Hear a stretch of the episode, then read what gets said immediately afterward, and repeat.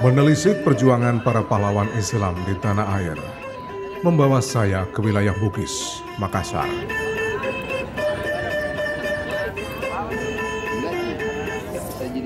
Daerah ini menurut pengamatan saya hampir sama dengan suasana di Aceh. Kehidupan masyarakatnya sangat agamis.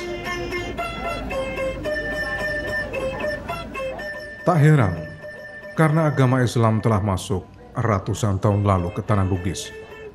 Tepatnya sekitar abad ke-10 atau 11. Jangan buru-buru. Sistem pendidikan awal yang diajarkan pada anak-anak di daerah ini adalah menyampaikan ayat-ayat suci Al-Quran melalui cara tradisional seperti pengajaran baca tulis.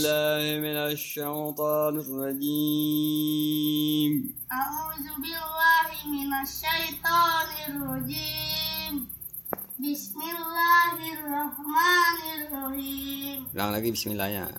Bismillahirrahmanirrahim. Bismillahirrahmanirrahim. Salah satu yang menikmati ajaran Islam secara sempurna adalah Muhammad Yusuf.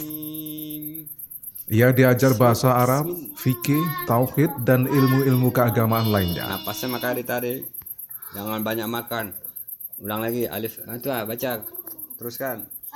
Sebagai putra keluarga bangsawan, ia juga berkesempatan mengenyam pendidikan agama Islam pada ulama-ulama ternama di Cikuang, perkampungan para guru-guru agama yang sangat tersohor di masa itu. Berhenti, nafasnya berhenti. Para guru agama di Cikuang adalah keluarga-keluarga Sayyid Arab yang diyakini keturunan Rasulullah Shallallahu Alaihi Wasallam.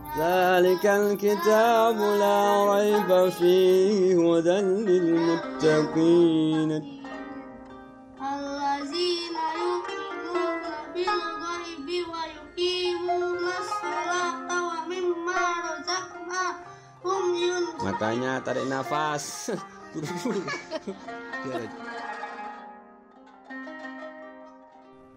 Dari sejarah yang saya baca di lontara warisan kerajaan kembar Goa dan Talu, menuliskan, Muhammad Yusuf lahir di Goa, Sulawesi Selatan, 3 Juli 1626. Namanya adalah pemberian Sultan Alauddin, Raja Goa, keluarga ibunya.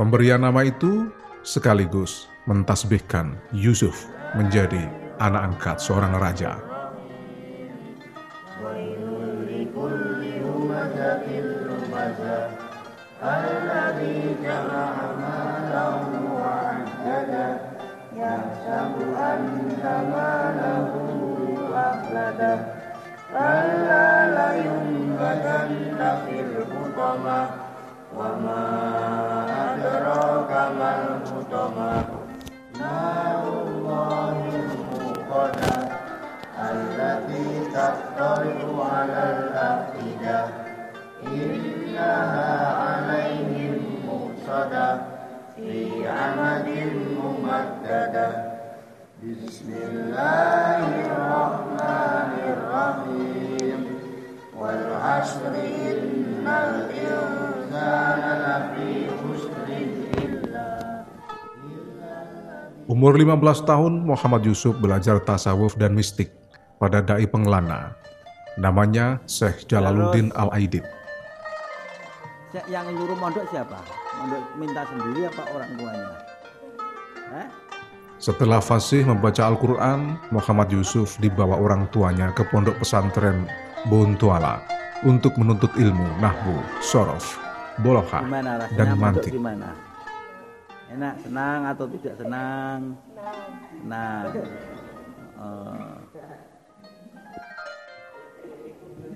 Pondok Bontuala yang didirikan tahun 1634 saat itu dipimpin seorang ulama asal Yaman, Syed Ba'alawi bin Abdullah, yang juga dikenal sebagai Al-Alamah Tohir.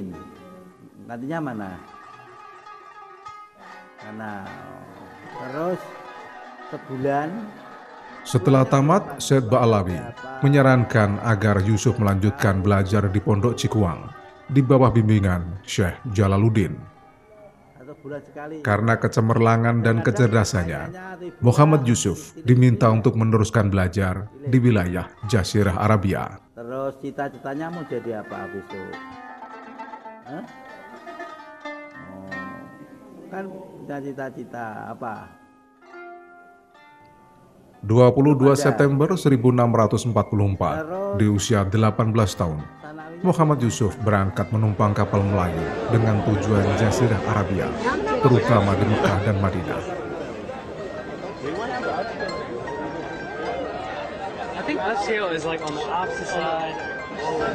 Oleh karena jalan pelayaran niaga pada waktu itu mesti melalui Laut Jawa, ia akhirnya singgah di Banten dan bertemu serta bersahabat dengan Pangeran Surya, anak Sultan Mufahir Mahmud Abdul Qadir, Sultan Kerajaan Banten. Tak lama kemudian Yusuf berangkat ke Aceh dan berguru pada Syekh Nuruddin Araniri, seorang negarawan, ahli fikih, teolog, sufi, sejarawan, dan sastrawan penting dalam sejarah Melayu pada abad ke-17.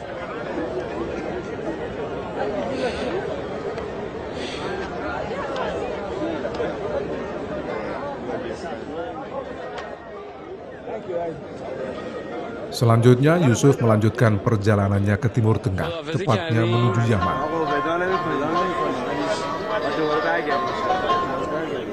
Saat musim haji tiba, ia kemudian berangkat ke Mekah, ke Madinah untuk menziarahi makam Rasulullah Shallallahu Alaihi Wasallam dan meneruskan belajar agama.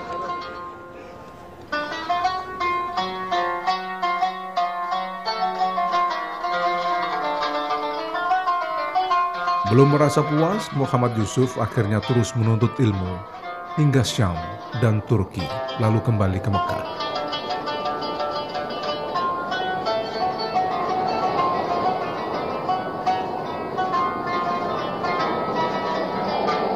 Di samping beribadah, ia juga mengkaji ulang ilmu pengetahuan yang diperolehnya dengan berdiskusi bersama ulama ternama di Tanah Suci.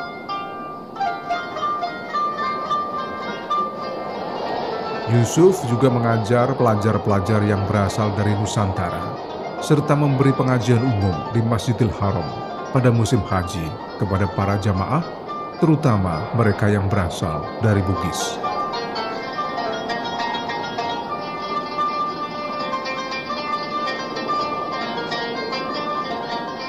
Syekh Yusuf adalah ulama yang produktif menulis. Setidaknya terdapat tujuh karya penting, yakni Kaifiyat Al-Muhyi wal Isbat, Safinat An-Najat, Hablul Al-Warid li Sa'ad dan Al-Murid, Al-Barakat Al-Sailaniyah, An-Nafti As-Sailaniyah, Mutolib As-Solikin, dan Risalat Goyah Al-Istisar.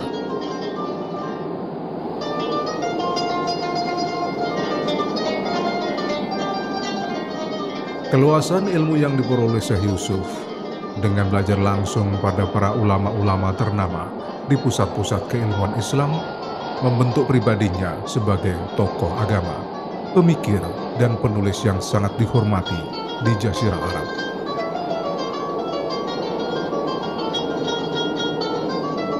Cara hidup yang ditekankan oleh Syekh Yusuf dalam mengajar ialah menekankan pada kesucian batin dari segala perbuatan maksiat dengan segala bentuknya. Menurutnya, dorongan berbuat maksiat dipengaruhi oleh kecenderungan mengikuti keinginan hawa nafsu, yaitu memperoleh kemewahan dan kenikmatan dunia. Hawa nafsu itulah yang menjadi sebab utama dari segala perilaku yang buruk.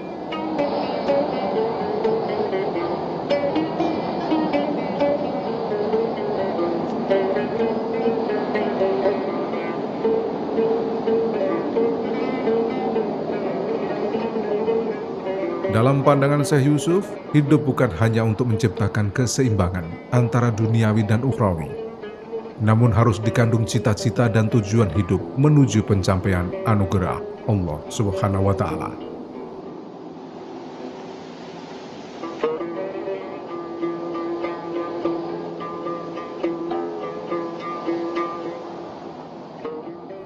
Setelah hampir 20 tahun menuntut ilmu di sejumlah negeri Jazirah Arab, ia pulang ke kampung halamannya di gua. Tapi ia sangat kecewa karena saat itu Goa baru kalah perang melawan Belanda. Di bawah pengaruh dan cengkeraman penjajah, kemaksiatan merajalela. Setelah berhasil meyakinkan Sultan untuk meluruskan pelaksanaan syariat Islam di Makassar, ia kembali merantau. Tahun 1672, ia berangkat ke Banten dan bertemu dengan sahabatnya, Pangeran Surya, yang ternyata sudah naik takhta dengan gelar Sultan Ageng Tirtayasa.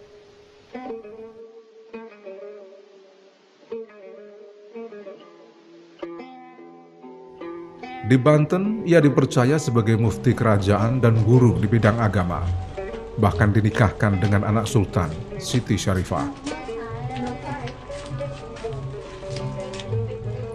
Syekh Yusuf menjadikan wilayah kerajaan Banten sebagai salah satu pusat pendidikan agama. Murid-muridnya datang dari berbagai daerah di Nusantara, termasuk di antaranya 400 orang asal Makassar, di bawah pimpinan Ali Karaeng Bisai.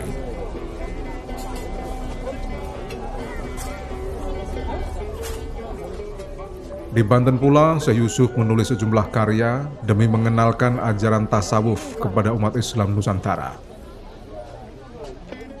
Seperti banyak daerah lainnya saat itu, kerajaan Banten juga sedang gigih melawan Belanda. Permusuhan meruncing, sampai akhirnya meletus perlawanan bersenjata antara Sultan Ageng di satu pihak dan Sultan Haji beserta kumpeni di pihak lain. Syekh Yusuf berpihak kepada Sultan Ageng. Ia berperang dengan memimpin pasukan Makassar.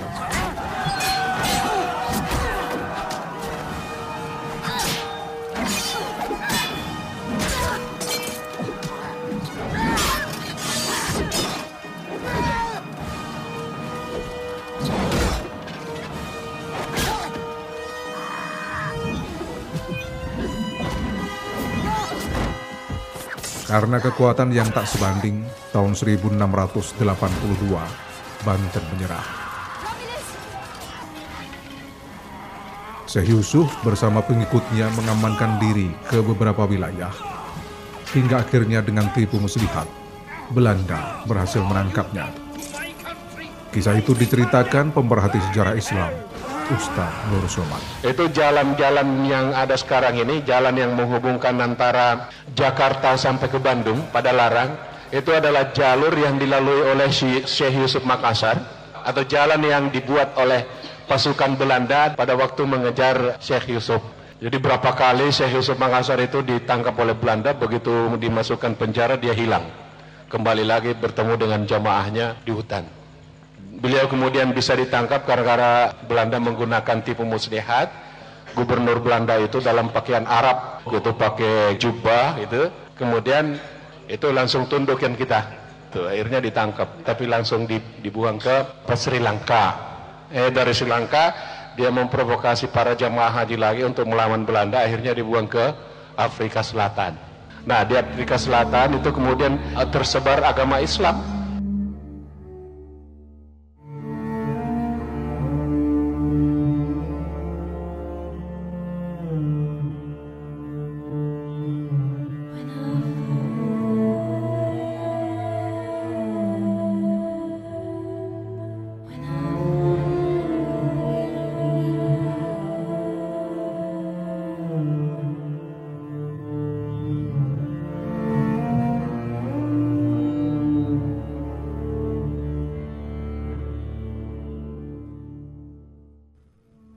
Mulailah babak baru kehidupan Syekh Yusuf, hidup dalam pembuangan.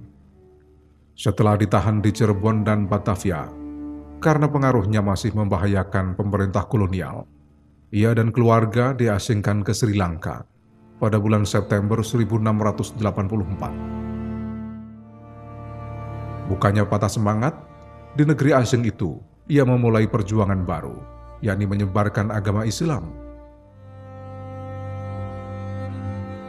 Dalam waktu singkat, murid-muridnya mencapai jumlah ratusan, yang kebanyakan dari wilayah India bagian selatan. Syekh Yusuf bahkan bertemu, berkumpul, dan bersahabat dengan para ulama setempat. Salah satunya adalah Syekh Ibrahim Ibnu Mi'an, ulama besar yang sangat dihormati dari India. Syekh Ibrahim akhirnya meminta kepada Syekh Yusuf untuk menulis sebuah buku tentang tasawuf, Kaifiyat Al-Tasawuf. Di Sri Lanka, Syekh Yusuf ternyata leluasa bertemu dengan sanak keluarga dan murid-muridnya Kabar dari dan untuk keluarganya disampaikan dengan surat melalui jamaah haji yang dalam perjalanan pulang atau pergi ke tanah suci yang selalu singgah ke Sri Lanka.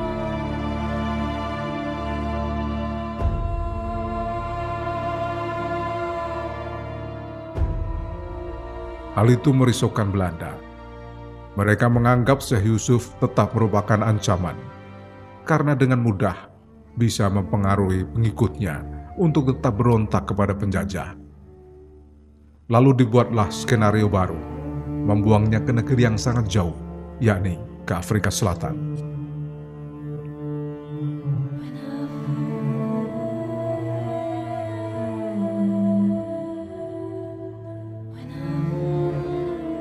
Bulan Juli 1693, kaki Syekh Yusuf Al-Makassari Al-Bantadi dan 49 pengikutnya menginjak bumi Afrika Selatan setelah diangkut dengan kapal The Footbook.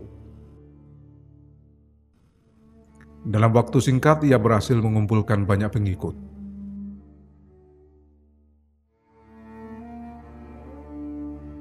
Selama enam tahun di Afrika Selatan, tak banyak yang diketahui tentang dirinya, sebab ia tak bisa lagi bertemu dengan jamaah haji dari Nusantara. Usianya pun saat itu telah lanjut. 67 tahun.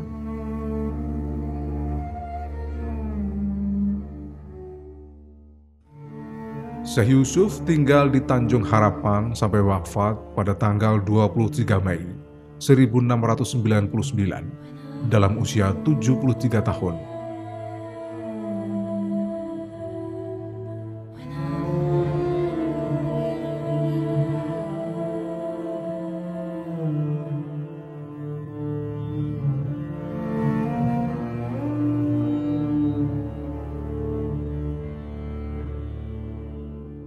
Oleh pengikutnya, bangunan bekas tempat tinggalnya dijadikan monumen peringatan.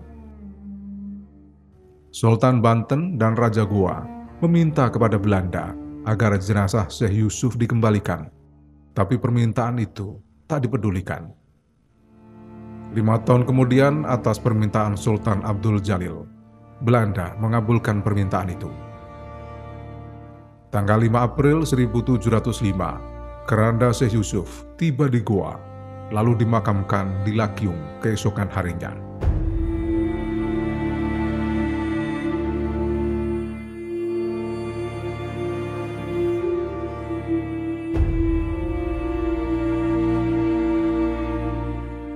Pada masa hidupnya sampai saat ini, Syekh Yusuf Al-Makassari dikenal di empat wilayah, yaitu Kesultanan Banten, Tanah Bugis, Sri Lanka, dan Cape Town, Afrika Selatan.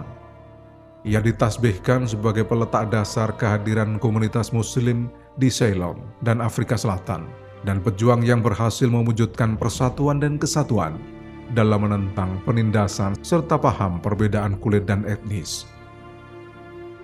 Bagi warga Cape Town, Syekh Yusuf Al-Makassari Al-Bantani tak hanya diakui sebagai ulama, tapi juga pejuang dan pahlawan rakyat Afrika Selatan.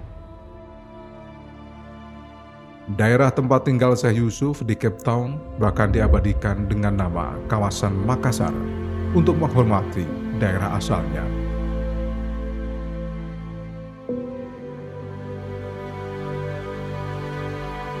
Tahun 1994, Syekh Yusuf Al-Makassari dianugerahi pejuang kemanusiaan oleh Presiden Afrika Selatan Nelson Mandela. Dan bahkan ia menjuluki Syekh Yusuf adalah salah satu putra terbaik Afrika. Setahun kemudian, Syekh Yusuf juga dianugerahi gelar pahlawan nasional dan pejuang kemerdekaan oleh Presiden Soeharto.